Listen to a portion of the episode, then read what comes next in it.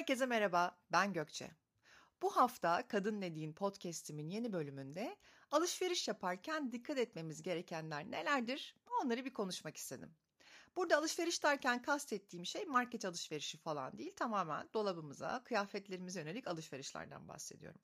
Hele ki ekonomik olarak da zor günler geçirdiğimiz bu dönemde yaptığımız alışveriş ve harcadığımız paranın da önemi oldukça arttığı için trend yolu açmadan zar uygulamasına girmeden veya mağazaya adımınızı atmadan önce nacizane anlatacağım önerilere bir kulak verin isterim.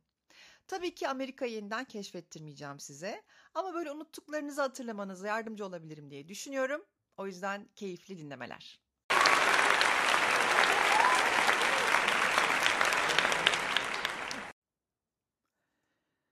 Size de oluyor mu? Ee, bilmiyorum ama bana oluyor. Ne oluyor bana? Ee, özellikle son iki yıldır ekonomik krizi dibine kadar hissetmeye başladığımızdan beri kendime hep şunu söylüyorum. Almayacağım hiçbir şey. Ee, sadece temel ihtiyaçlara para harcayacağım. Her şeyim var, hiçbir şeye ihtiyacım yok falan filan desem bile en fazla bir ya da iki hafta sonra kendimi böyle bir uygulama içerisinde kaybetmiş olarak bulabiliyorum. Sepete ekle çıkar, başka ekle çıkar, ekle çıkar, ekle ekle ekle bu böyle devam ediyor. Mutlaka her birimizin dolabında kıyafetleri, hatta onların alternatifleri bile var. Ancak gene de alışveriş yapmaya devam etmekten vazgeçemiyoruz. Ee, bunun bence birkaç sebebi var. Bu tamamen kendi fikrim. Bunu say- sayacaklarım tamamen kendi fikrim. Birincisi markalar her ne kadar sürdürülebilir moda ve üretim yapıyor, yapıyoruz deseler de yaptıkları bazı kıyafetleri ikinci yıl işe giderken giyemiyoruz. Hatta evde yatarken giydiğimiz kıyafetlere dönüşebiliyor. Yani kaliteli malzeme kullanımı kesinlikle çok düştüğü için bizi yeni bir alışverişe sürüklüyor ister istemez. Bir diğer nedeni ise kendimizi tatmin eden bir aktivite olması. Artık buna işte kapitalist düzen mi dersiniz, tüketen toplumun bireyi olmak mı dersiniz, ne dersiniz bilmiyorum ama yeni bir çanta aldığımızda yaşadığımız mutluluğu bazen çok az şeyde yaşadığımızda bir gerçek. Başka bir sebebi de tabii ki kilo alıp vermemiz. Yaşam tarzımın, tarzımızın değişmesi, ne bileyim işte iş değişikliği, evden çalışmaya geçmek, yaşadığımız yeri değiştirmek gibi unsurlardan dolayı e, dolabımızı baştan sona değiştirmek durumunda kalabiliyoruz. Tabii bu da bir bir anda böyle olmadığı için o süreçte yaptığımız alışverişlerde devamlılık gösteriyor. Ez cümle alışveriş hayatımızın bir parçası ve iyi görünmeyi, kaliteli ve farklı şeyler giymeyi seviyoruz. Ama bu sonsuz bir durum haline de gelebiliyor kimilerimiz için. Yani tıka basa dolu bir dolap, etiketi üzerinde kıyafetler, birbirine benzer kıyafetlerle dolu bir girdap içine, içinde giyecek hiçbir şeyimiz olmadığına ikna bir beyinle baş başa kalabiliyoruz kimi zaman. Eğer doğru alışveriş bilincine ulaşabilirsek bu girdaptan çıkabiliriz bence. Şimdi size bazı trikler söyleyeceğim. Eğer bunlara dikkat ederseniz doğru alışveriş yapmaya böyle bir adım atabilirsiniz diye düşünüyorum. Öncelikle bence e, nasıl bir hayatınız olduğunu düşünmeniz gerekiyor. Yani iş hayatında aktif misiniz? Evden mi çalışıyorsunuz? Hem evden ama yarı zamanlı toplantılara vesaire katılıyor musunuz? Çok seyahat ettiğiniz bir işiniz mi var ya da full time annelik mi yapıyorsunuz gibi gibi. Çünkü evden çalışıyorsanız artık o dolaba ceketler, takımlar, klasik kıyafetlerle doldurmaya gerek yok demektir. Ya alayım da bir yerde giyerim diye bir şeyi alıp dolaba koymayın lütfen. Eğer iş hayatında aktifseniz de dolabınızı iş ve hafta sonu kıyafetleri veya işte iş sosyal hayat kıyafetleri diye ayrı ayrı kıyafetler alarak doldurmayın. Çünkü artık iş hayatı 80'li 90'lı yıllar gibi değil. E, topuklu ayakkabıyla vedalaşılı bayağı bir zaman oldu mesela. Daha casual tarz hayatımıza girdi. Dolayısıyla bu casual tarzı hem işte hem sosyal hayatta giyebileceğimiz jeanler, pantolonlar veya elbiselerle halledebiliriz diye düşünüyorum. Mesela alışveriş eğiliminizi buna göre yöneltebilirsiniz. Daha doğrusu yönlendirebilirsiniz. Yani hafta sonu giyeceğiniz bir e, kombini hafta içi işe giderken de belki aksesuarları farklılaştırarak ya da ayakkabıyı, çantayı farklılaştırarak e, iş hayatına da hafta içi ofis hayatına da uygun hale getirebilirsiniz. Bir diğeri dolap detoksu şart. Çok klişe gelebilir ama hiç değildir. Çünkü burada şeyden bahsetmiyorum. Yani dolabınızı şöyle bir elden geçirin durumundan bahsetmiyorum. E, dolap detoksu derken. Dolabımızda açıp açıp baktığımızda her renk, model, tarz, beden, kıyafet mutlaka vardır. Yani böyle o dolap raflarının içinde kaybolduğumuz, köşede dipte kalmış bir kazak, bir body, aa bende bu da mı varmış dediğimiz durumları lütfen hayal edin. Çoğumuz bunu yaşıyoruz gerçekten. E, işte tam da bu durumu değiştirmemiz gerekiyor. Bir defa bence herkes her şeyi giyebilir. Yani işte benim e, bacaklarım kalın da mini etek giymeyeyim mi? Yani giymek istiyorsan giyebilirsin. Artık hani e, öyle bir e, nasıl diyeyim bir kalıba sokmak gerekmiyor. Kişi özgür. Eğer mini etek giymek istiyorsa giyer. Ama o mini eteği öyle bir kombinlemeli ki eğer vücudunda kalın bulduğu, e, fazlalığı olduğu bir yerini düşünüyorsa e, dikkati o kalın bacakları ya da ne bileyim işte fazla göbeğine değil de belki saçına, kulağındaki küpeye, e, kolundaki bilekliğe, ayağındaki ayakkabıya çekerse aslında dikkati nereye çekeceğimiz, karşı tarafın algısını nasıl yöneteceğimiz önemli. Dolayısıyla bence herkes her şeyi giyebilir. Ama doğru alışveriş yapmak ve do- dolabımızı doğru yönetmek için e, giymemeli. Yani işte ben her şeyi giyerim. İşte gideceğim mini etekler alacağım. Gideceğim işte ne bileyim dar body'lerde alacağım falan. Eğer doğru bir alışveriş yapmak istiyorsak ve dolabımıza doğru kıyafetleri ve bedenimiz uygun kıyafetleri koymak istiyorsak işte oradan ben her şeyi giyerimden biraz uzaklaşmak, vücudumuza uygun doğru kombinleri yapacak alışverişlere yönelmek gerekiyor. Bu yüzden vücudumuzu biraz tanıyıp ve buna uygun kıyafetler seçmemiz gerekiyor. Yani vücut yapımız uygun değilse o crop kazakları, crop tişörtleri almaktan vazgeçmek gerekiyor mesela. Ya da işte çok iri göğüslerimiz varsa çok dar üstler giymekten vazgeçmek gerekiyor gibi. Gerçek ve detaylı bir dolap detoksunu ayrıca anlatırım ama alışveriş öncesi için e, bu konuları bir gözden geçirmenizde fayda var. Bunu yapabilirsek doğru alışveriş yapım, yapmanın da ilk adımlarını atmış oluyoruz. Bir diğer e, tüy olarak şunu söyleyebilirim size. Her zaman birbiriyle kombinler yaratabileceğimiz uyumda kıyafetler almaya özen gösterin derim. Biz kadınlar bazen böyle iddialı renkler ve e, modellerde kıyafetler, ayakkabılar alabiliyoruz. Ama eve gelip dolaba baktığımızda bir uyum yakalayacak parçalarımız olmadığını fark ediyoruz. Dolayısıyla boşuna alınan bir kıyafet ve harcanan para ile kala kalıyoruz. İşte iade işi de bazen zor geliyor. Sonra o kıyafet ya bir arkadaşa ya kardeşi ya da alakasız bir yere gidiyor ve biz hala belki de onun dört taksidini ödemeye devam ediyoruz gibi. Bu iddialı parçaları e, bu arada hani farklı renk ve modellerden uzaklaşın demiyorum tabii ki. Renk kullanımı çok güzel, çok da önemli. Ama bence bir e, kıyafet yerine kombini tamamlayacak bir çanta, işte bir aksesuar, şal, şapka e, ya da işte ayakkabı olarak e, alın değerlendirin derim ben. Çünkü simsiyah giyindiğiniz bir kombinde tup turuncu iddialı bir ayakkabı giyerseniz bir uyum yakalayabilirsiniz. Ama tup turuncu bir pantolonu dolaptaki en fazla bir iki parça ile giyebilir e, ve işte uyumlu çanta ve ayakkabı yakalamakta da zorlanabilirsiniz. Kocaman küpeler, renkli çantalar vesaire almanız daha doğru bir alışveriş olacaktır. İşte eğer illa böyle iddialı parçalar almak istiyorsanız. Hatta kombinlerinizi e, ya da kıyafetlerinizi farklılaştırmak istiyorsanız başvuracağınız yol başka bir kıyafet daha almak değil de farklı ve iddialı, göz dolduran aksesuarlar e, almak olmalı. E, aksesuar alırken de böyle lütfen iki günde kararan işte bijuteriler yerine işte insanların çalışma arkadaşlarınızın ya da arkadaşlarınızın falan nereden aldın bu kulağındaki küpeyi ya diye soracağı kalitede ve görsellikte parçalar seçmenizi tavsiye ederim. Simsiyah kombine bir gün e, mor bir şal, diğer gün iri ahşap toplardan bir kolye takarak falan nasıl farklı olacağınızı bir düşünün derim ben.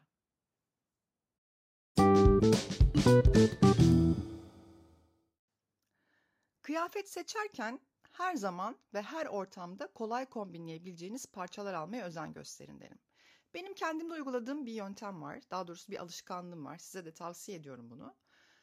Ben genelde böyle siyah, beyaz, lacivert, işte bej, pastel renklerde parçalar almaya özen gösteriyorum. Çünkü bu parçalar farklı daha doğrusu bu işte üst ya da altlar farklı üstlerle ya da altlarla kolay kombinlenebiliyor. Ben kombinlerimdeki farklılığı daha çok aksesuarlarla yapmayı tercih ediyorum. Ee, ve mesela işte e, bir birkaç tişört alacağıma bir güzel gömlek alıyorum. Çünkü gömlek böyle dik yaka, işte düğmeli olmasından kaynaklı hafif V yakalı olması kişiyi bir tişörte göre daha şık gösteriyor diye düşünüyorum. Yani bir jeanle bir spor ayakkabıyla hafta sonu da kombinliyorum. Ya da yine aynı jean topuklu ayakkabıyla işe giderken de giyebiliyorum. Ee, ve ceket.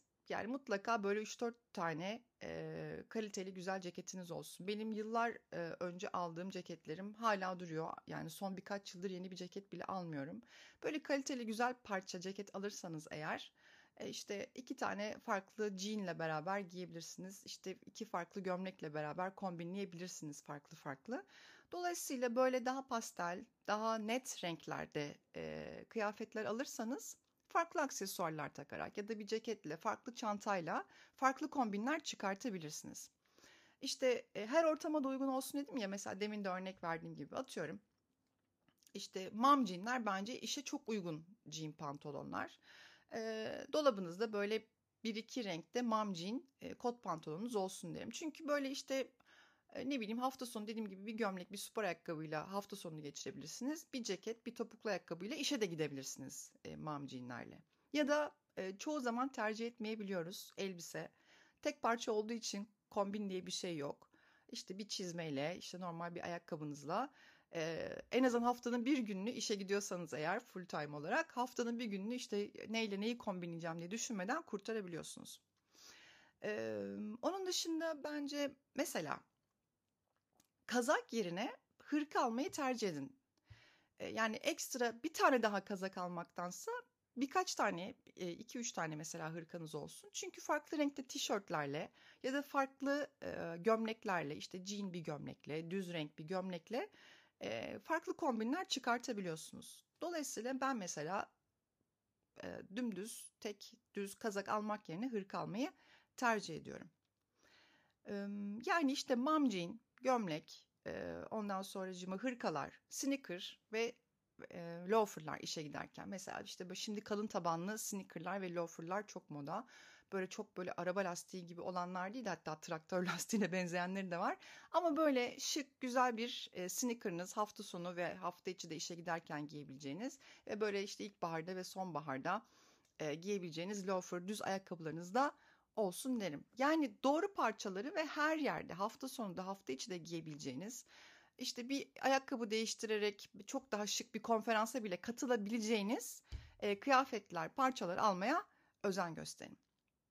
Ve bu az parçayla çok kombinle sizi farklılaştıracak en önemli detaylardan biri ise kemerler oluyor. Şimdi kemer şöyle önemli. Mesela bir jean pantolon giydiniz, gömlek giydiniz ve ceket giydiniz. E, mutlaka böyle e, kemer de gözükeceği için yani gömleği de pantolonun içine sokacağınızı düşünüyorum. Hem belinizi biraz daha ince gösterecektir hem de kemer çok güzel bir aksesuardır ama lütfen böyle işte hani her şeyi para harcarız ama kemer gelince böyle işte 40 lira 50 liralık işte 100 liralık şimdi 40 liraya da bir şey kalmadı ya. Hani bir kemer de işte 400 lira olur mu falan deyip cimrilendiğimiz bir detay olabiliyor. Bence öyle değil. Hatta ben şöyle yapıyorum böyle düğmeli kemerler yerine daha böyle e, düğme şeyim daha doğrusu deliği olmayan biraz böyle hasırımsı görünümlü oluyor. Öyle kemerler alıyoruz. Eşimle beraber kullanıyoruz. Yani onda bir kemerin deliği olmadığı için ikimizin de beline uygun hale gelebiliyor. Biz bunu hırkada da yapıyoruz mesela. Ben biraz böyle salaş hırka giymeyi sevdiğim için bir beden büyük alıyorum.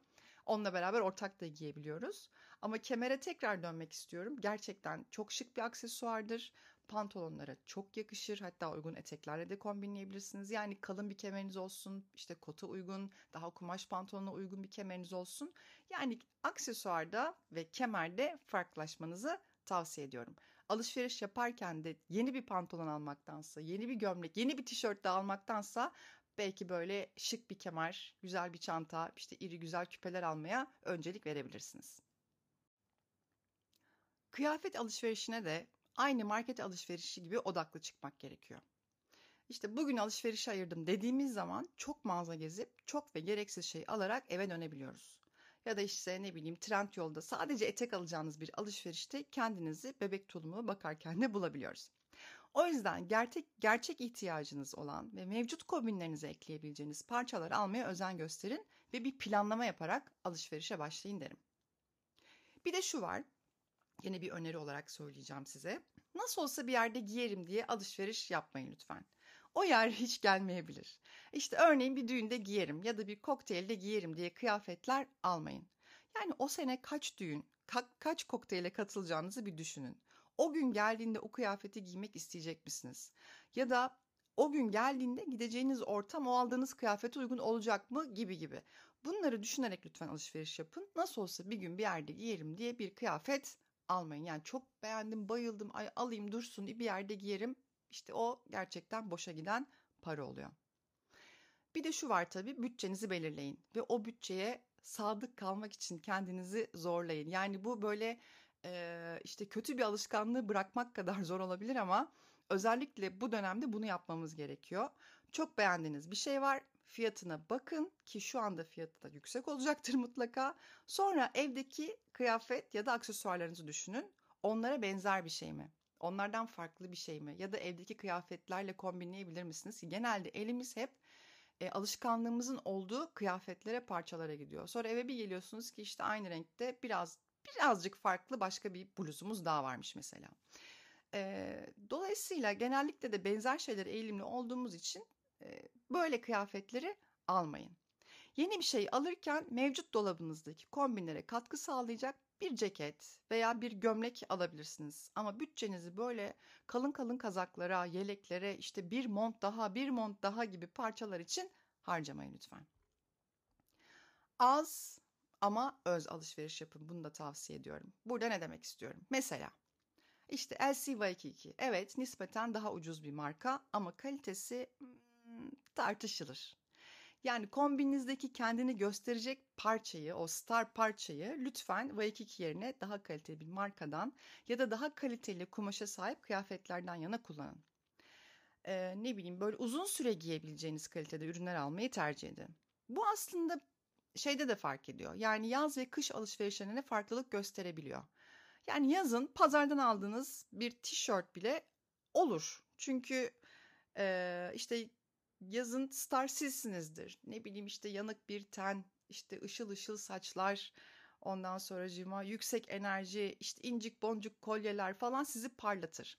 Ama böyle kışın e, pazardan alacağınız bir kazak e, yaz gibi sizi parlatmaz, aksine matlaştırabilir bile. O yüzden e, özellikle işte kışın kendini gösteren nedir? En üstte giydiğimiz kabandır mesela değil mi? Onun böyle bir tık kaliteli olmasında ve uzun süre e, giymeye müsait bir kalitede olmasına özen gösterin derim. Yani işte iki gün sonra ağzı burnuna gelecek bir şey, sonra yerine yeni bir şey daha alacaksanız aslında az para harcamış olmuyorsunuz. Zamana yayılmış çok para harcamış oluyorsunuz. Ama az ve iyi kalitede parçalar alırsanız hem gerçekten çok şık görünürsünüz hem de uzun süre giyeceğiniz için yeniden bir mont, yeniden bir kaban, yeniden bir kazak mesela almaya gerek kalmadan e, sezonları kapatabilirsiniz. Bir de şunu tavsiye ediyorum size. Kendi markalarınız olsun. Yani böyle işte bir şey ararken, bir kıyafet ararken böyle markalar arasında dağılmayın. E, farklı markaların farklı kıyafetler içinde dağılmayın. Bedeniniz uygun olan, istediğiniz kaliteyi, istediğiniz bütçede yakaladığınız markalarınız olsun.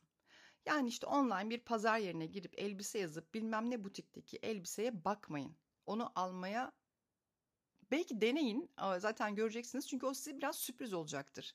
Hani internette gördüğüm aslında olan diye böyle caps'ler vardı şeyde Instagram'da falan görmüşsünüzdür mutlaka. E, dolayısıyla yani şey olacaktır, iyi durmayacaktır. Kalitesini bilmediğiniz ya, ya bedeni olmayacak ya işte kumaşı iyi değilmiş mesela eve gelince onu fark edeceksiniz. Onun dışında işte iadesi sorun olabiliyor. Ee, o, ne bileyim kumaşı alerji yapabiliyor. İkinci yıkamada renklerinin solup solmayacağını bilmiyoruz falan. Dolayısıyla kendi bedeninize uygun olan birkaç tane markanız olsun. Daha odaklı alışveriş yapmanıza da katkı sağlar. Bütçesini bilirsiniz. Kendinizi ona göre hazırlarsınız. İndirim dönemlerini bilirsiniz. Onu takip edersiniz. O yüzden böyle o trend yola girip oradaki binlerce butin arasında, binlerce kıyafetler arasında lütfen kaybolmayın. Ha öyle kaybolunca iyi parçalarda bulmuyor muyuz? Buluyoruz. Ama bunu bir alışkanlık alışkanlık haline getirmeyin. Alışkanlığınız kendinize ait, kendinizi içinde iyi hissettiğiniz kıyafetler satan markalardan yana olsun. Bir de şu var, alışverişe çıkarken lütfen size dürüst davranacak bir arkadaşınız veya tanıdığınız alışverişe çıkın. Böyle bir an önce eve dönmek isteyen bir e, eş ya da sizi geçiştiren bir tanıdık, samimiyetine güvenmediğiniz biriyle alışveriş yapmayın lütfen. Çünkü evet evet bu da yakıştı ya, bu da bu da oldu. Siz başka bir, bir şey alır seçersiniz. Peki bunu bu rengi nasıl? Aa bu da güzel oldu. E, İkisini de al istersen. İşte karar veremiyorsunuz mesela. İkisini de al. Ya ikisi de çok güzel oldu. Sana zaten bu renkler çok yakışıyor. Ya da eşiniz. Olur al, bunu da al. Al. Seni dışarıda bekliyorum. Aşağıda bekliyorum. Suratsız bir adam falan. Siz de o aceleyle işte daha fazla ortam gerilmesin diye öyle bir şeyleri alıp çıkıveriyorsunuz mağazadan. Lütfen böyle kişilerle alışverişe çıkmayın. Gerekirse yalnız gidin alışverişe. Ee, ama işte yanınızda bir arkadaşınız var sizi ve sizi böyle geçiştiriyor falan. Öyle bir ortam olursa lütfen alışverişi kesin ve, bir böyle ne bileyim kahve içmeyi teklif edin. İşte ne giyersen, giyerseniz aa bu da olur vallahi çok yakıştı sana da her şey yakışır zaten diyen bir kadınla alışveriş lütfen yapmayın. Bir önerim daha var. Yemek üstü alışverişe çıkmayın. Yani alışverişe her zaman aç karnına çıkın. Ee, işte önce bir şeyler yeriz sonra da mağazaları gezeriz. Planı hiçbir zaman iyi değildir. Önce mağazaları gezin sonra bir tatlı kahve yaparız modeli daha iyidir bence. Hem beden seçimi, işte bel darlığı gibi kriterler yemek üstü yapılan alışverişlerde e, dağılıyor ve e, yanlış bedende yanlış kıyafetler alabiliyoruz. Kimseyi bulamazsanız efendim üçüncü bir göz olarak beni alışverişe e, çağırabilirsiniz. Beraber alışverişe çıkabiliriz. Samimi olurum. Yakışmayanı söylerim. Değerin üstünde paradaysa asla aldırmam falan. Ki bunda çok iddialıyımdır gerçekten. İşte kardeşimi, arkadaşımı ya işte ona o para verilir mi? İşte alma. Sende zaten benzer şu var. İşte onu onunla kombinlersen olur. Hatta işte bu bazen dekoratif ev aksesuar alışverişlerinde falan, falan da yapıyorum böyle. Dolayısıyla e, beni çağırabilirsiniz. Hatta size bir tüyo daha vereyim. Instagram'da stil.içinde diye bir Instagram hesabım var. Beni oradan da takip edebilirsiniz.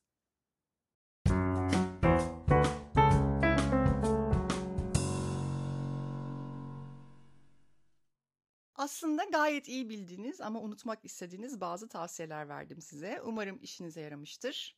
Kadın dediğim podcast'ini dinlediniz. Yeni bölümde görüşmek üzere. Hoşçakalın. Herkese merhabalar. Kadın dediğin podcast'ime hoş geldiniz. Efendim malumunuz bir yılı daha bitiriyoruz. Valla aslında iyi ki de bitiriyoruz bu arada. Çünkü 2023 bireysel olarak bazılarımıza iyi gelmiş olabilir ama genel olarak baktığımızda işte Maraş depremleri ve onun yarattığı e, travmalar, seçim sürecinde akıl sağlığımızı yitirmemiz, e, hayat pahalılığı, parayımız, paramızın eriyip gitmesi, daha sayımı vesaire derken çok da böyle şey bir yıl değildi aslında.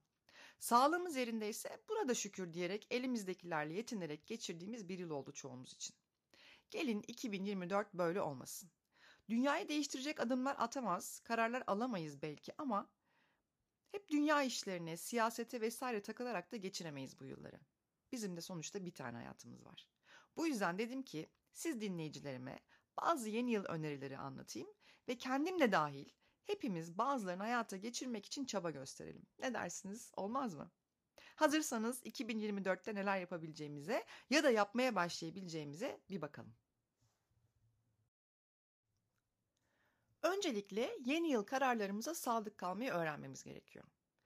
Bir de an şunu belirtmek isterim ki aldığımız kararları hayata geçiremiyorsak bunun nedeni tembel bir insan olmamız ya da zayıf karakterli olmamız değil. Bazı davranış değişiklikleri ile kararlarımızı hayata geçirmemiz mümkün. Sadece ve sadece erteleme eğilimi gösteriyoruz, o kadar. Yani nedir bu erteleme eğilimi? Alışkanlıklarımızın getirdiği bir davranış biçimi. Yani bu bizim kendi öz davranış modelimiz. Endişelenmeyin yani. Hatta böyle bilimsel bir şeyden bahsediyorum erteleme eğilimi derken. Çünkü efendim bilim dünyası diyor ki beynimizin nöronlarında esneklik varmış. Beynimizin esnekliğinden mütevellit davranış ve alışkanlıklarımızda değişiklik yapmamız mümkünmüş. Yani şu durumdan, birazdan bahsedeceğim durumdan vazgeçmemiz çok kolay. Ay şimdi yattığım yerden kalkıp kumandayı bırakıp hiçbir şey yapamam modundan çıkmamız beynimizin esnekliği sayesinde çok kolay. Üstelik e, bazı insanlar da bunu yapabiliyor. Yani çevrenize bir bakın. Yani şöyle düşündüğümüz, şöyle şeyler söylediğimiz insanlar olmuştur. Yani nasıl böyle hemen bir şey karar veriyorsun, hop onu hayata geçiriyorsun. Hemen hızlı bir şekilde kararını alıyorsun. İşte hızlı bir şekilde planlamanı yapıyorsun hayatı. Bir de böyle istikrarlısın. Valla seni tebrik ediyorum. Ben valla bunu yapacağım da, karar vereceğim de, başlayacağım da, bitireceğim de falan diye söylediğimiz, düşündüğümüz çok fazla insan vardır. Peki bunu nasıl yapıyorlar? Yani nasıl bir istikrar sağlıyorlar? Bir defa bu insanların iç motivasyonları çok yüksek. Bizim de öyle olması gerekiyor. Ya bizim de derken kendimi de işin içine katıyorum. Çünkü ben de bazı kararları gerçekten çok hızlı alır hayata geçiririm. Bazıları böyle sürünür. Yerlerde sürünür gerçekten. O yüzden e, iç motivasyonumuzun yüksek olması gerekiyor. İstikrar, karar alıp onu hayata geçirip istikrar sağlamak için. E, yani şunu da kabul etmemiz gerekiyor. İlla dışarıdan motive edilmeyi, böyle ödüllenmeyi beklememiz gerekmiyor. Ee, iç motivasyonumuzla da bunu halledebiliriz. Bu bilimsel bir kanıt. O yüzden böyle rahat bir şekilde söylüyorum. Üstelik içsel motivasyona sahip olduğumuzda da işte aldığımız kararlar, yaptığımız eylemlerin sadece sonuçları değil, yapıldığı süreç de zevk vermeye başlıyor. İşte örneden, örneğin pardon, e, durmadan diyete başlayıp devam edemiyorsak kendimize şunu söylememiz gerekiyor. Biliyorum bu süreç biraz acı verici olacak. İstediğim şeyleri yiyemeyeceğim. O tatlılar e, böyle arkadaşlarım etrafımda löp löp yerken ben sadece onlara bakacağım. Ama sonunda istediğim forma ve görüntüye beni ulaştıracak. Başta acılı olacak ama kilo vermeye başladıkça kendimi çok çok iyi hissedeceğim. Üstelik kilo verdikçe o insanlar etrafımda Aa işte ne kadar zayıflamışsın, çok iyi kilo vermişsin, valla böyle devam et, formun çok iyi görünüyor, çok zinde görünüyorsun falan dedikçe daha da mutlu olmaya başlayacağım. Yani istediğim kiloya düşene kadar ki süreçte de aslında çok mutlu olacağım. Bir şeyler yemekten vazgeçeceğim ama göründüğüm hal, sağlığım ve fit görüntüm, işte zinde görünmem beni çok mutlu edecek o süreç içerisinde. İşte bunu diyebilmek güçlü bir içsel motivasyon gerektiriyor.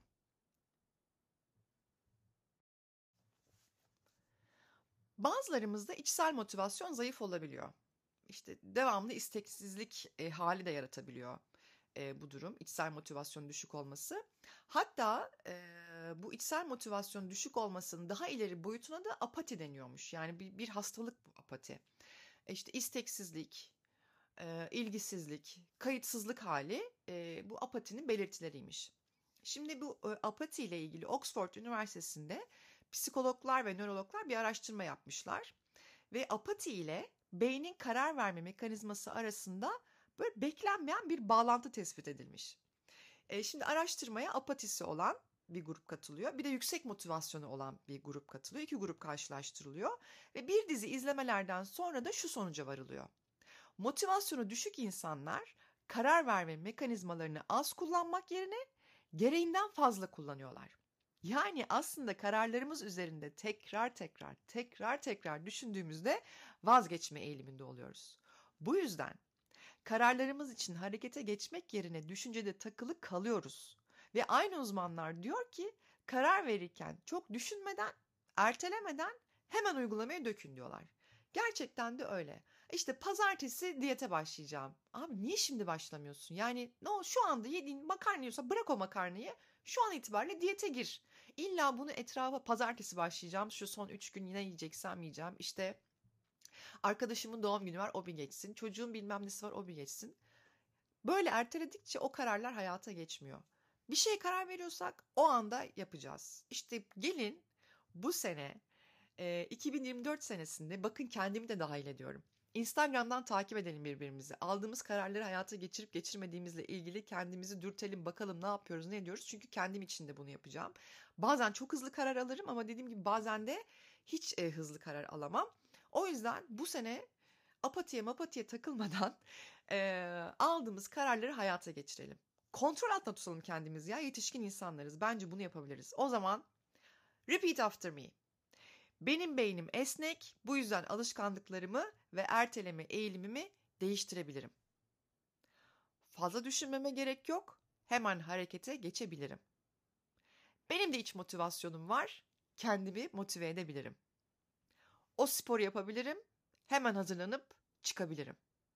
O dil kursuna hemen başlayabilirim. Thank you. Evet, karar verme ve harekete geçme konusunu bilimsel olarak çözdüğümüz ve artık bahanemiz de kalmadığına göre gelelim bu yıl hayata geçirebileceğimiz kararlara. Kendim için, bakın yemin ediyorum, kendim için ne düşündüysem sizinle de onları paylaşacağım.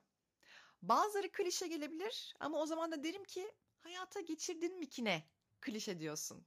yok yok yok demeyeceğim. Klişe ise klişedir. Ama bilin ki bu Gökçe kardeşiniz de hayata geçirmek için adım atmış olacak. Yalnız olmayacaksınız yani. Mesela geçen sene kararını verip hatta geçen sene 6 Ocak'ta hayata geçirdiğim akıllı oruç beslenme ritüeline tekrar hayata geçireceğim. E, bunu gerçekten siz de yapabilirsiniz. Ben bu ritüel ile 10 kilo verdim. Şimdi üçünü geri aldım o ayrı ama gene yapabilirim biliyorum. Üstelik sadece kilo vermek için değil daha sağlıklı olmak, işte daha iyi hissetmek, o şişkin olma hali var ya işte o şişkinliği hissetmemek için de yapılması gerekiyor diye düşünüyorum. Ya bence yetişkin bir kadının günde iki öğünden fazlasını yemesine gerek yok. Hatta böyle bazı hekimler ve yayınlarda aynen bunu söylüyor zaten.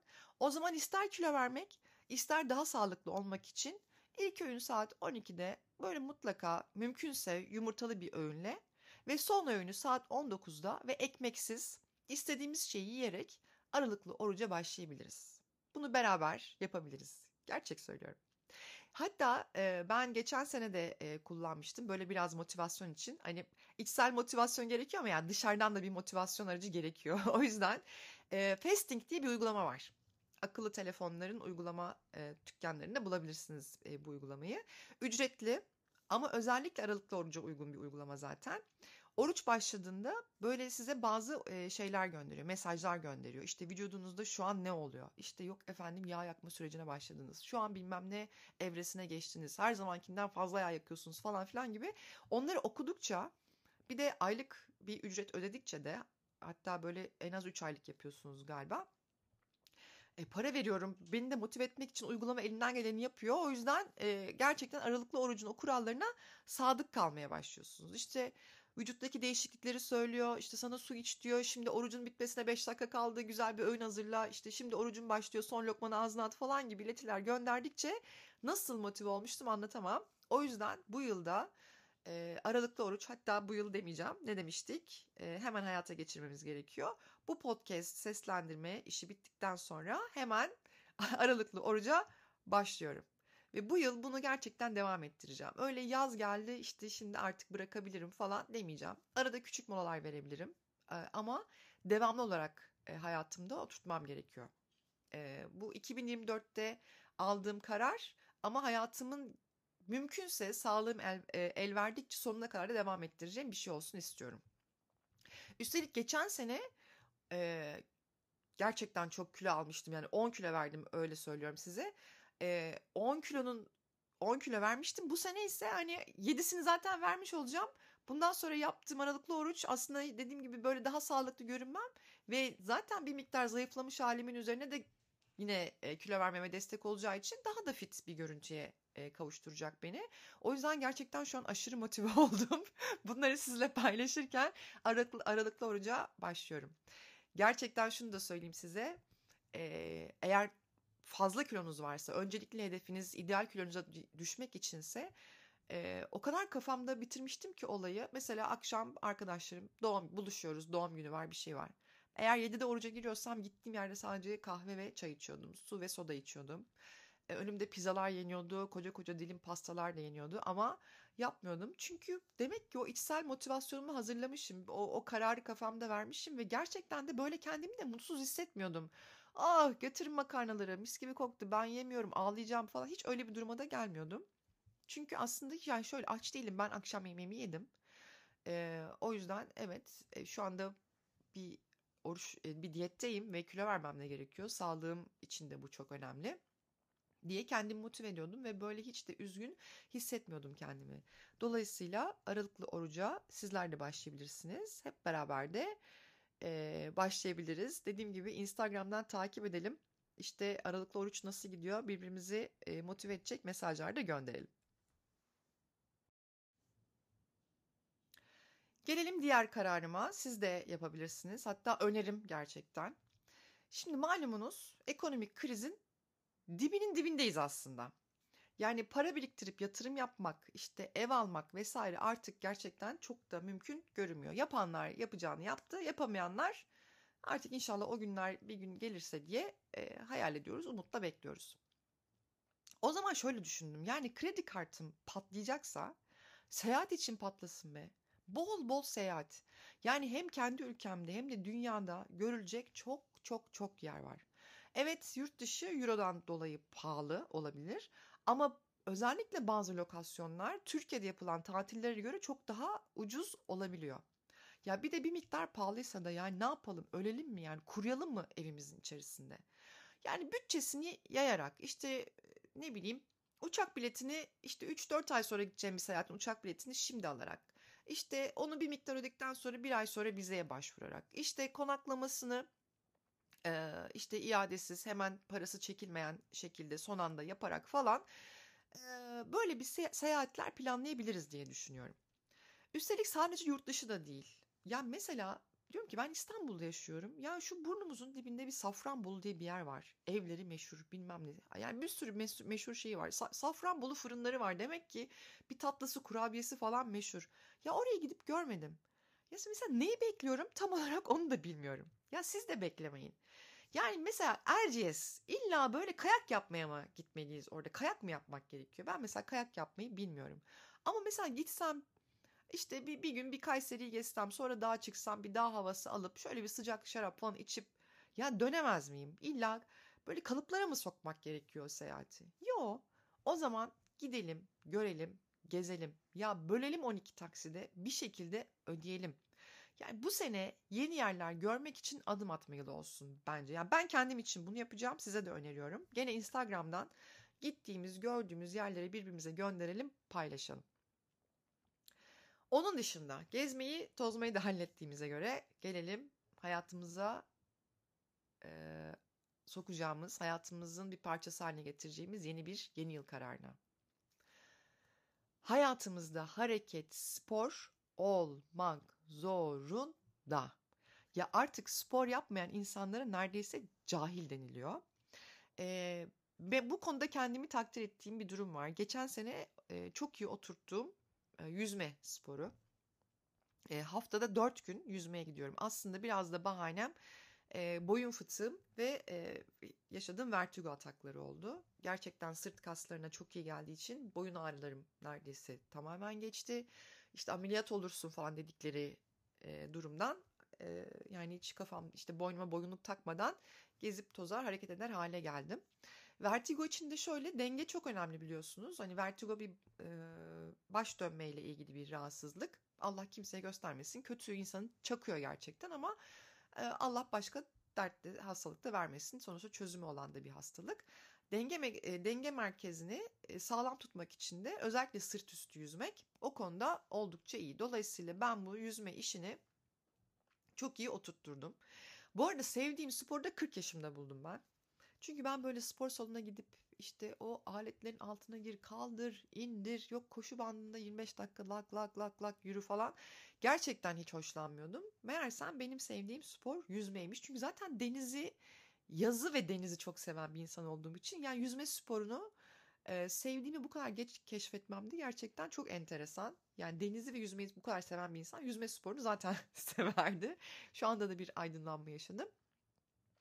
Sizin de varsa efendim böyle sevdiğiniz bir spor, üstelik böyle su gerektirmeyen bir sporsa sevdiğiniz, valla artık spor salonuna bile gitmeye gerek yok gerçekten. Yani zilyon tane video var. Evinizde videolar izleyerek e, ya da çıkıp evinizin yakındaki bir parkta yürü, yürüyerek de yapabilirsiniz.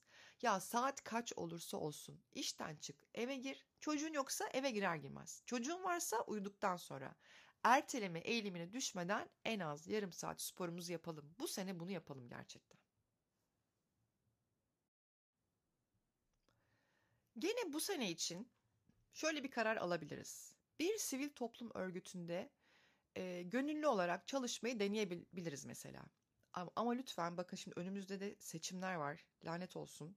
Lütfen böyle oy ve ötesi vesaire olmasın bu sivil toplum örgütü seçeceğimiz. Çünkü siyasetten gerçekten yeter artık doğa, hayvanlar, çocuklar, kadınlar veya dezavantajlı herhangi bir şey için çalışabiliriz. Ya haftada bir gün olur, ayda bir gün olur, 3-4 ayda 4 gün olur belki bilmiyorum ama hayatımıza yerleştirmemiz gereken bir kavram olduğunu düşünüyorum kesinlikle. Yani oturduğumuz yerden hiçbir şey düzelmeyecek veya daha iyiye gitmeyecek. Ama bana ne ben mi kurtaracağım falan demeden faydalı bir iş yapmanın verdiği hazı da tadarak bir yardım kuruluşunda veya sivil toplum örgütünde gönüllü olarak e, çalışmak için bizi tut, tutan böyle ne olabilir? Yani aktivist olun kendinizi parçalayın falan da demiyorum ama hayat koşullarımıza ve çalışma şartlarımıza böyle uygun bir kurum bulabilir ve çalışabiliriz diye düşünüyorum. Benim çocuğum yok ve bu bilinçli bir karar. Ancak anne sevgisine muhtaç, ailesini kaybetmiş veya ailesinden uzak kalmaya mecbur kalmış bir sürü çocuk var. Mesela bu sene gönüllü anne olmayı deneyebiliriz. Ne dersiniz? Bakanlığa bağlı kurumlar, işte Korev, Koruyucu Aile Derneği, Umut Evi, Hayat Sende Derneği gibi lütfen ama lütfen güvenilirliğini de araştırarak buradaki çocuklara ulaşabiliriz diye düşünüyorum. Neler yapabileceğimizi özellikle bakanlığa bağlı bakım evlerinden daha net öğrenebiliriz. Ben bu Maraş depremlerinden sonra bu sahipsiz kalan çocuklarla ilgili neler yapılabilir diye aslında bu gönüllü annelik hatta böyle işte evlat edinmiyorsun ama bayağı ailesi oluyorsun. Öyle şeyler vardı biliyorsunuz. Yardım edebileceğimiz durumlar vardı. Şimdi tam olarak adını hatırlamadım ama bunun için bağlı bulunduğum belediyenin toplantısına gitmiştim. Gerçekten çok düzgün e, insanlar, çok da güzel bir e, akışı vardı, çok planlı çalışıyorlardı. O yüzden öncelikle bakanlığın e, ve bulunduğunuz işte e, ilçedeki, semtteki e, il ya da ilçe müdürlüklerinde bunlarla ilgili bilgi alabilirsiniz. Zaman zaman böyle konferanslar, seminerler yapıyorlar. Onlara katılıp onları dinleyebilirsiniz. Dolayısıyla evet belki evlat edinmek çok ciddi bir karar olabilir. Ama gönüllü annelikte bence e, o çocukların hayatına dokunmak için, o çocukların hayatına farklı bir şey katmak için de çok güzel olabilir. Belirli kuralları var, onu biliyorum gönüllü anneliğin. E, gerçekten çok ciddi bir karar vermiş olmak gerekiyor bunun için. Çünkü size diyorlar ki size verilen gün ve saatte her hafta aynı gün ve saatte gelmeniz gerekiyor diyorlar. Çünkü çocuk sizinle bir bağ kurmaya başlıyor ya da çocuklar. Ee, hem onların güvenini kazanmak için önce hemen o bağ kurmuyorlarmış. İşte nasıl olsa bir daha gelmez, bir daha göremem demeye başlıyor. Ama gitmeye başlıyorsanız da bu devamlılığı sağlamanız çok önemli. Çünkü sizi bekliyor, sizinle bir bağ kuruyor. İşte sizden bir şey öğreniyorsa onun devamlılığını istiyor. Sizle oyun oynuyorsa onun devamlılığını istiyor. Ve onun hayatında bir yer edinmeye başlıyorsunuz artık. Dolayısıyla bu çok ciddi bir karar ama yapılamaz değil. Benim etrafımda böyle çok tatlı kadınlar var. Kendi çocuğu olduğu halde gönüllü annelik yapan arkadaşlarım da var.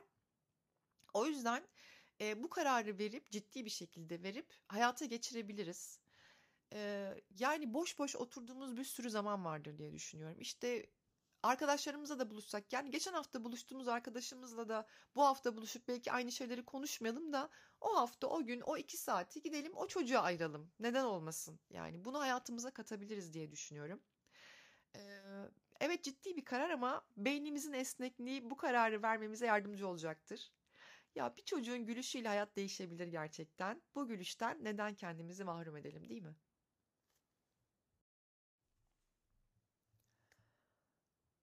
Tiyatro, tiyatro, tiyatro. Evet, özellikle İstanbul'daysanız biz çok şanslıyız. Şehir ve devlet tiyatrolarının haricinde özel tiyatrolar da çok atakta. Özellikle pandemi sonrası bu atak oldukça devam ediyor. Çok çok fazla oyun var. İzlenecek çok fazla oyun var gerçekten. O yüzden bu seneyi böyle bir tiyatroya ayıralım ya. Yani gerçekten yani her seferinde buluşup yemeğe gitmeyelim de dans etmeye oynamaya gidiyorsanız tabii gitmeyelim de tiyatroya gidelim. Ya gerçekten gidelim. böyle o oyun kötüymüş aman bu oyun uzunmuş falan vesaire demeden oyun izleyelim. Ya kötü olsun. Yani kötü neye göre kötü? Zaten hani eğer profesyonel olarak oyunculuk yapmıyorsak, bunun eğitimini almadıysak falan hani o kötülüğü neye göre belirleyeceğiz? O da bir soru işareti ama tabii bizim işte hayal dünyamıza, bizim e, karakterimize, bizim zevkimize uygun olmayan oyunlar da olabilir. Olsun gene de izleyelim. Yani herhalde tiyatro izlemekten hiçbir şey kaybetmeyiz diye düşünüyorum. Ee, aynı zamanda böyle eşimizle, dostumuzla kaliteli zaman geçirmek için de iyi fırsat e, tiyatroya gitmek, tiyatroya vakit ayırmak. Hani öncesinde böyle bir ufak yemek yiyip sonra oyunu izleyip oyundan çıktıktan sonra oyun hakkında konuşmak. Hatta bir sonraki buluşmanızda da oyunla ilgili aklınızda kalanları konuşmak falan e, kaliteli zaman geçirmemize destek olacaktır diye düşünüyorum gerçekten e, tiyatroya gitmek. E, hatta şeyi söyleyeceğim. Instagram'da elektrik e, kesi diye bir hesap keşfettim. Daha doğrusu bir arkadaşım önerdi bana. E, o hesabın sahibi e, neredeyse tüm oyunlara gidiyor. E, o oyunlarla ilgili işte hangi salonda oynuyor, hangi tarihlerde var falan işte bir perde mi iki perde mi ona varana kadar e, bütün bilgileri paylaşıyor. Hatta oyunla ilgili de e, kendi görüşlerini paylaşıyor. İşte çok eğlenceliydi işte ya da işte çok uzundu. Bazı bölümler çok uzundu. İşte kendinizi drama hazırlayın falan gibi önden böyle spoiler vermeden oyunla ilgili fikirlerini de söylüyor. Ben keyifle takip ediyorum. Size de öneririm. Ee, onun dışında Augusto hesabı var Instagram'da. Onu takip edebilirsiniz. O böyle e, her türlü etkinlikle ilgili bilgi veriyor. Hatta çok geniş bir yelpazesi var. İşte moda ile ilgili, yeme içme ile ilgili, tiyatro ile ilgili, işte her şeyle ilgili yazılar okuyabileceğiniz bir e, platform Augusto. Onu takip edebilirsiniz. İşte ben İstanbul'da yaşadığım için İstanbul etkinlik e, hesabını takip ediyorum. Orada da tüm etkinliklerle ilgili fikrim oluyor. E, oyunlarla ilgili de en azından hangi sahnede, hangi tarihlerde var e, onu takip etmem için bir fırsat veriyor. Oksijen gazetesi haftalık bir gazete. Çok keyifli. Böyle eskiden e, yani böyle eve 3-4 tane gazete girerdi. İşte e, önce babam ana gazeteye el atardı, el koyardı. İşte ne bileyim biz annemle eklerini bölüşürdük. Sonra ana gazete aramızda bölüşürdü falan filan. Böyle gazete okuma ritüeli diye bir şey vardı. Ee, Oksijen gazetesi yani tabii her gün gazete almak gibi alışkanlığı tekrar edinmemiz belki mümkün değil ama e, haftalık gazete Oksijen'de de seviyorum ben. E, orada da e, bu tip bilgiler paylaşılıyor. Oradan da takip edebilirsiniz. Ve özellikle İstanbul'da dışında olanlar. Valla şehrinize ne oyun geliyorsa e, işte kim oynuyormuş, kaç perdeymiş falan bakmadan bence mutlaka gidin. Çünkü büyük şehirler dışında özellikle yaşayan e, kişiler bu tip e, tiyatro oyunlarına falan ulaşmaları, erişmeleri, işte müzikaller falan bunları görmeleri biraz e, zor olabiliyor. İşte bazen sahneler uygun olmuyor, bazen bütçesel kaynaklı olabiliyor. E, o yüzden e, şehrinize ne geliyorsa mutlaka gidin, izleyin. Hatta böyle eğer e, işte kendi yaşadığınız şehre yakın bir büyük şehirdeki oyunları takip edin. Bir hafta sonu bir gün bile olsa gidin o oyunu izleyin ve şehrinize geri dönün. Bu sene tiyatroyu hayatımızın merkezine koyalım Yine Instagram'dan gittiğimiz oyunları, tiyatro oyunlarını, müzikalleri, hatta çocuklarınız için gittiğiniz oyunlar da varsa onları da paylaşın benimle. Ben de beni takip eden diğer insanlarla paylaşayım. Birbirimize fikir verelim, ilham verelim diye. Bu sene tiyatroyu böyle hayatımızın merkezine koyalım. Kendimde bir şey fark ettim ki o da şu. Böyle dışarıda yemek ya da bir kafeye vesaire gitmekle ilgili bir plan yaparken genellikle hep daha önce tecrübe ettiğim yerlere gitmeyi tercih ediyorum. Ya bir sürü irili ufaklı efendim Michelin'li yok yıldızlı yıldızsız kafeler, restoranlar var. Ya dışarıda yemek yemek biraz da deneyimlemek olduğundan yani yoksa evimizde de oturup yemek yiyebiliriz. İşte yeni bir mekan, yeni bir tat, ne bileyim yeni dekorasyon örnekleri göreceğim, göreceğim yerlere gitmeye karar verdim 2024'te. Bence siz de bunu yapabilirsiniz. Bu hayatımızda çok zorluk e, yaratacak bir karar da değil üstelik. Bence çok rahat bir şekilde hayata geçirebiliriz diye düşünüyorum. Üstelik Instagram bu tarz yerleri gösteren, anlatan hesaplarla dolu. Yani neredeyse sürpriz de yaşamayız gittiğimiz yerle ilgili. O yüzden ben kararlıyım. Siz de yapın. Gidelim yeni mekanlar görelim, yeni tatlar tadalım. İşte aynı kahveyi farklı bir mekanda içelim. Çünkü şimdi ben bazı mekanlara dekorasyonu için de gidiyorum. Yani mesela bir köşe yapmış oluyor. O kadar böyle içime huzur veriyor ki. işte kendi Instagram hesabımda da paylaşacak bir içerik oluyor benim için. Ee, hem de o orayı görmek işte kendim evimde nasıl uygulayabilirim ya da işte kendi atıyorum odamda ofisimde nasıl uygulayabilirim diye ilham da verebiliyor. Dolayısıyla gidelim yeni yerler, yerler görelim, yeni mekanlar görelim. E, sürpriz de yaşamayız dediğim gibi Instagram'daki hesapları da takip edersek. Şimdi yeni bir kanun da çıkmış. İşte bu restoran ve kafeler menülerini ve fiyatlarını önden paylaşmak zorundalarmış. O zaman böyle planlı, programlı, paramız hazır bir şekilde gidip yiyip içip Instagram'a fotoğraflar yedekleyebiliriz. Bu sene bunu yapabiliriz. Şimdi söyleyeceğim kararla ilgili e, aslında kendimi e, o kadar da yermeyeceğim aslında. Çünkü e, yeni yıl için karar aile ile vakit geçirmek ve onlara zaman ayırmakla ilgili e, öneride bulunacağım. E, kendimi de çok fazla yermeyeceğim. Elimden geldiğince e, bu aileye vakit ayırmayı iyi yapmaya iyi yaptığımı düşünüyorum. E, hepimiz işte ya evli ya sevgilimiz var. İşte kimimizin çocukları ile kendi çekirdek ailesi var. İşte iş yoğunluğumuz var vesaire. Bu yüzden kendi anne babamıza, kardeşimize istediğimiz kadar vakit ayıramıyor olabiliriz. Ama 2024'te bir rutin oluşturmak için bir fırsat olabilir. Yani ailemize vakit ayıracağımız bir rutin oluşturmamız e, iyi olabilir. İşte ne bileyim rutin derken her pazar kahvaltısını beraber yapmak ya da işte her pazar akşam yemeğini beraber yeme alışkanlığı gibi bir rutin oturtabiliriz. İşte uzakta yaşıyorsak ya ayda bir bir hafta sonu ya da bir gün ya mutlaka e, gidip ailemi ziyaret edeceğim alışkanlığı. Biletlerini önden alabilirsin. E, işte bir cumartesi sabah gidip görüp akşam dönebilirsin falan gibi e, bir rutin oluşturabiliriz. Ya özellikle e, beni dinleyen e, dinleyicilerimin yaş grubunu da ben işte e, analiz raporlarında görebiliyorum. Genelde böyle 30'dan başlıyor ve işte 30 ve böyle nasıl diyeyim 50 yaş arası gibi bir e, kitle var. Daha genç arkadaşlarım da var ama genellik e, bu yaş grubunda. O zaman şöyle düşünelim. Annelerimizin, babalarımızın yaşları ilerliyor.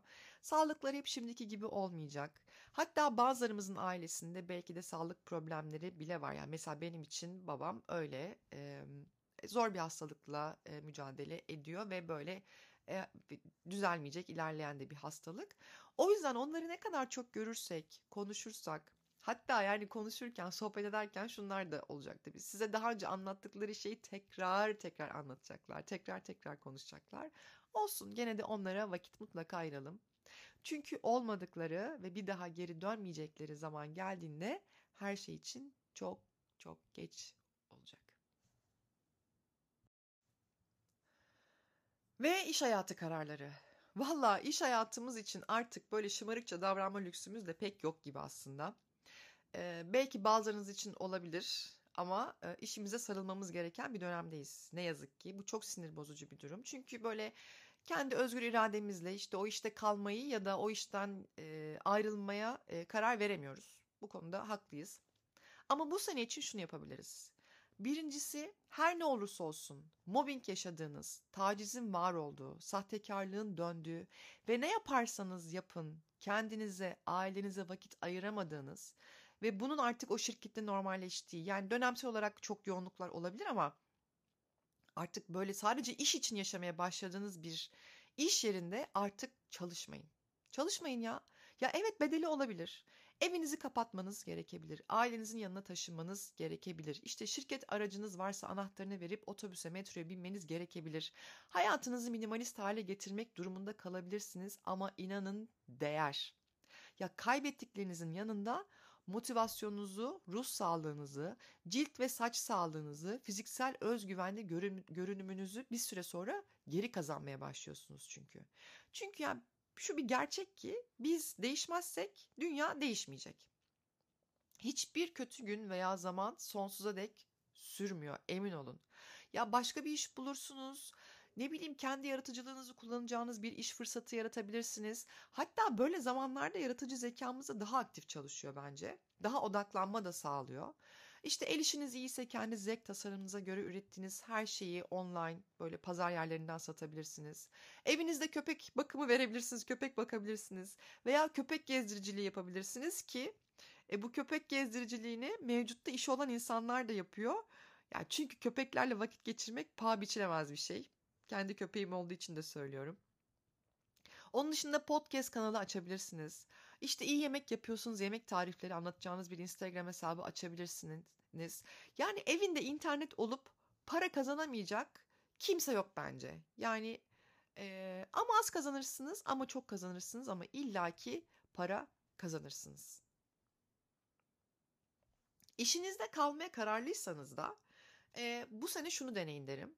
Hatta kendim için de geçerli bu. Biraz da yapıyorum aslında. Kendimizi iş için parçalamaya, onu da yaparım, işte bunu da yaparım vesaire demeye gerek yok. Ya iş için kendimizden çok fazla ödün vermeye başladığımızı gördüğümüz zaman artık hayır demeyi bilelim. Çünkü mevcut işlerimizin yanı sıra bir de böyle projeler falan yürütüyorlar bize iş yerlerinde biliyorsunuz. Ee, işte artık yetişemediğimizi gördüğümüz an Bunu böyle ilgili kişilerle konuşup işte o projeden çıkmak istediğinizi ya da mevcut işle ilgili iş yükünüzün çok arttığını, bunun, bununla ilgili bir işte bir iş e, paylaşım yapılması gerektiğiyle ilgili falan e, konuşmak gerekiyor. Yani susup e, kalınca insanlar o işleri yaptığımızı, bir sorun olmadığını düşünüyorlar ve biz iş üzerine iş vermeye başlıyorlar. Yani ne kadar ya iş iş yükümüz arttığı zaman ya onu da yaparım, bunu da yaparım, verin ben hallederim desek bile yani ne yaparsak yapalım alacağımız prim o kadar da fazla değişmiyor. Maaş zammında falan aman tanrım bu maaş beni zengin yapacak galiba durumu falan da yaşamıyoruz. Yani iş bu sonuçta. Ne kadarsa o kadar yapalım. Yani tabii ki e, işimizi yapalım ama e, ya işte benim de böyle bir huyum var. Ne iş verirse ekstra üzerinde katmadan yapamıyorum. En en en iyisini, en maksimumunu yapmam gerekiyor. Kafasından da çıkalım lütfen. Ya beklentiyi karşılamak yeterli. E, müdürüne böyle çok fazla challenge'a da gerek yok. Çünkü şöyle bir gerçek var. Müdürü mutluysa sen de mutlu oluyorsun. E tamam işte yani işimizi asgari beklentide yapıp esas olan kendi hayatımıza odaklanmamız gerekiyor. Onu kaçırmayalım ve bu sene bunu gerçekten yapalım. Hayat iş değil. Ee, yani bir gün başımıza bir şey geldiğinde hep onu düşünüyorum. Yani sağlığımla ilgili bir problem oldu. Bakın yani ölüp göçüp gitmeyi söylemiyorum bile. Ya da bir gün seni kapının önüne koydular. Yani e, ne oldu yani o kadar kendini parçaladın? Tabii ki yani böyle e, sessiz bir direnişle yapmaya gerek yok. E, bir maaş kazanıyorsak, para kazanıyorsak hakkını vermek zorundayız. Size o işi yapmak için bizi işe alıyorlar. Ama fazla fazla yapmaya da işte kendimizi parçalamaya da işte böyle hele böyle bir kariyer için falan acayip böyle kendini göstermek için sabahlara kadar çalışmalar falan böyle şeyler yapmaya gerek yok. Gene söylüyorum bir tane hayatımız var ve yani iş için gelmedik bu hayata. Evet iş bir araç para kazanmak ve hayatımızı idame ettirmek için ama e, askeri düzeyde yani bizden bekleneni yapalım yaptığımız işin marketingini de yapalım. Tabii ki böyle yani ben yapıyorum beni görsünler öyle bir dünya da yok. Yok yani iş dünyasında da böyle değil. Yaptığımız işi duyuralım. Ee, ama böyle o yalakalık sınırı çok ciddi önemlidir. Oraya böyle aşmadan falan. Ondan sonra da kendi hayatımıza bakalım. Deminden beri anlattığım şeylere odaklanalım. Yani 2024'te işi hayatımızın merkezinden çıkartıp e, hayatımızın etrafındaki diğer araçlardan bir tanesi haline getirelim. Bence bunu yapabiliriz. Yeni yılda yeni bir biz için daha fazla hayır deyip daha az şikayet edelim. Daha çok deneyip daha az pişmanlık duyalım. Daha fazla yenilik yapıp geçmişe daha az takılalım. Daha fazla şükredelim ve kendimizi daha az suçlayıp daha çok sevelim. Hepinize sağlıklı, mutlu, dop dolu bir yıl diliyorum.